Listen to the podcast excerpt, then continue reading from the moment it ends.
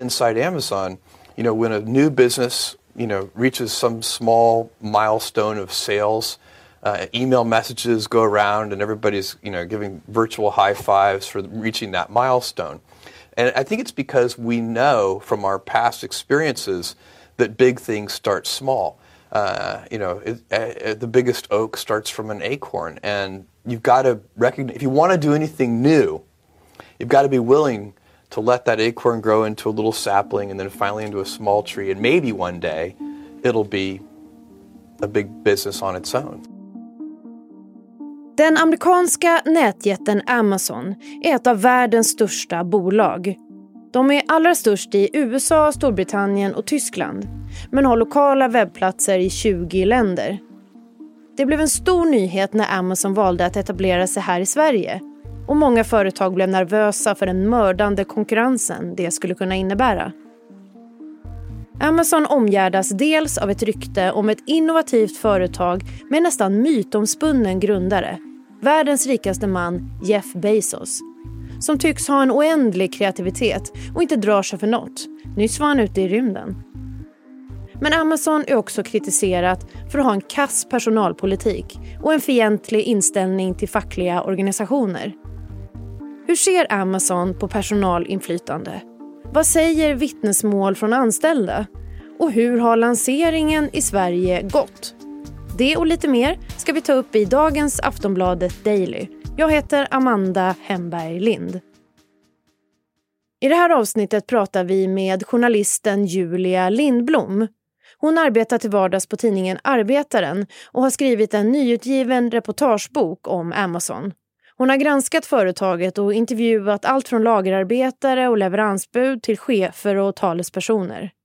Hon får börja med att svara på frågan vad är Amazon för företag egentligen? Amazon är ju ett techföretag som dominerar nätet på många sätt och de besitter en stor ekonomisk makt. Eh, och Amazon utvinner också värdefull data från de människor och företag som använder den här plattformen. Folk jag intervjuar i boken beskriver det som att Amazon kontrollerar infrastrukturen i den digitala tidsåldern. Också genom de här molntjänsterna som också myndigheter är beroende av. och så.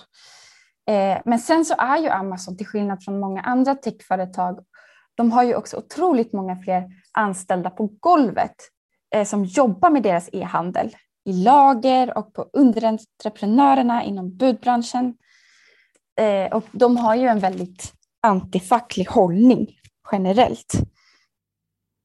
Ja, du, du har en, många vittnesmål du skriver om. Alltså det är en stress, det är en press och sen ja, betygssystem på anställda. Kan du berätta mer om hur, vad du har hört för vittnesmål? Ja, alltså jag har ju rest runt i flera länder där Amazon har sina lager som kallas för fulfillment centers. Eh, och de anställda jag talar med, oavsett i, i, vilka länder, jag har rest till Tyskland, Italien, Polen, eh, men jag har också talat med anställda i USA, eh, längre bort. Liksom. Men oavsett var så vittnar, är det samma berättelse som jag hör. Och de pratar om stress, eh, övervakning genom skannrar och, och feedbacksystem, arbetsskador till följd av det här monotona arbetet när man, när man liksom inte tillåts rotera. Jag har också besökt nybyggda robotiserade lager och där kan man ju tänka att de här robotarna ska underlätta arbetet. Men det jag har sett och när jag pratar med anställda är det också att det blir ännu mer monotont. Alltså det blir nästan som att eh, ett löpande band för att det kommer en eh, robot ungefär var sjunde till åttonde sekund och du förväntas ta en vara de här robotarna som många säger då ska, eller som Amazon hävdar ska underlätta arbetet har ju också gjort det ännu mer rutinartat och många får då arbetsskador till följd av repetitiva rörelser. Amazon använder ett system där lagerarbetaren har en handskanner, en slags mobil dator där alla artiklar läses in. Eftersom skannern är ett verktyg som används hela tiden så går det att följa hur effektivt arbetet går. Ett sätt för arbetsgivaren att se till helheten menar Amazon, men ett sätt att övervaka som inte uppskattas av alla.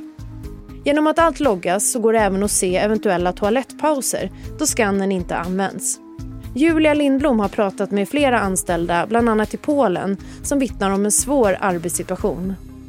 En tjej berättar hur hon måste äta smärtstillande tabletter och att hon liksom dagen efter intervjun, när hon liksom har sin lediga dag, så måste hon gå på rehabilitering eh, och få massage.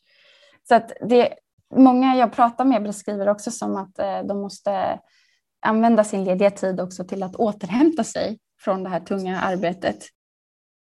Och det här med facklig eh, organisering då? När jag läser din bok så får jag känslan av att det är en helt annan syn också på facklig organisering. Och kanske ett mer konfrontativt fack än här i Sverige. Och om det är ett mer tvingat samarbete i Sverige, alltså mellan arbetsgivare och fack, så är det mer en kamp i vissa andra länder. Två parter som hamnat i skyttegravar. Ja, precis. Alltså Amazon, eh, eh, I USA har ju Amazon en otroligt antifacklig hållning och man har till och med eh, kampanjer mot facken och anlitar konsulter som ska stänga ute facken. Det var en ganska uppmärksammad omröstning i Alabama i, i våras eh, där Amazon kanske för första gången skulle tvingas eh, acceptera ett, ett fack eh, eh på ett av sina Amazon-lager. Men eh, i Europa så är ju Amazon också genom lagstiftning ofta i många länder tvunget att förhandla med fack, facken. I Tyskland finns det inte kollektivavtal eh, och där vill Amazon inte förhandla med facken. Men, men, i till exempel Italien så säger lagen att eh, eh Amazon eh, måste förhandla med facken helt enkelt genom lagstiftning. Så det beror också på lite i olika länders kontexter. Men eh, generellt har, ju, har de ju en antifacklig hållning. Jag intervjuar väldigt många eh, företagsrepresentanter för Amazon i, i, min bok och de menar ju att de har egna kanaler för personalinflytande. Eh, de menar ju att de har en HR-avdelning eller att de har, eh, liksom, de har till exempel någonting de kallar birthday roundtables som är när anställda som fyller år samma månad ska ha möjlighet att ha möte med chefen under avslappnade former när man äter tårta. Men funkar det då? För alltså, är det så att det är en kanal eller ett sätt att lyssna på sina anställda som många ändå tycker känns okej? Okay, eller? Ja, men anställda jag talar med säger ju att de inte lyckas uttrycka sina önskemål där genom Amazons kanaler. Och sen så är det ju faktiskt så att en organisering för att förbättra arbetsvillkoren eh, kommer ju, de förbättringar som har skett på många lager har ju skett när arbetare har organiserat sig fackligt och ställt krav. Eh, och de har ju, man har ju genom facklig organisering fått igenom väldigt mycket på Amazons lager i till exempel Tyskland där man har höjt lönerna ända sedan anställda började organisera sig fackligt 2013. Och eh, de har också fått igenom en bonus och de har, eh, ja, det är mycket som förbättras igenom, eh, som förbättrats också sen anställda började organisera sig fackligt. Amazon etablerar sig nu i Sverige och den svenska regeringen har också under flera år arbetat för att de amerikanska it-jättarna ska komma hit.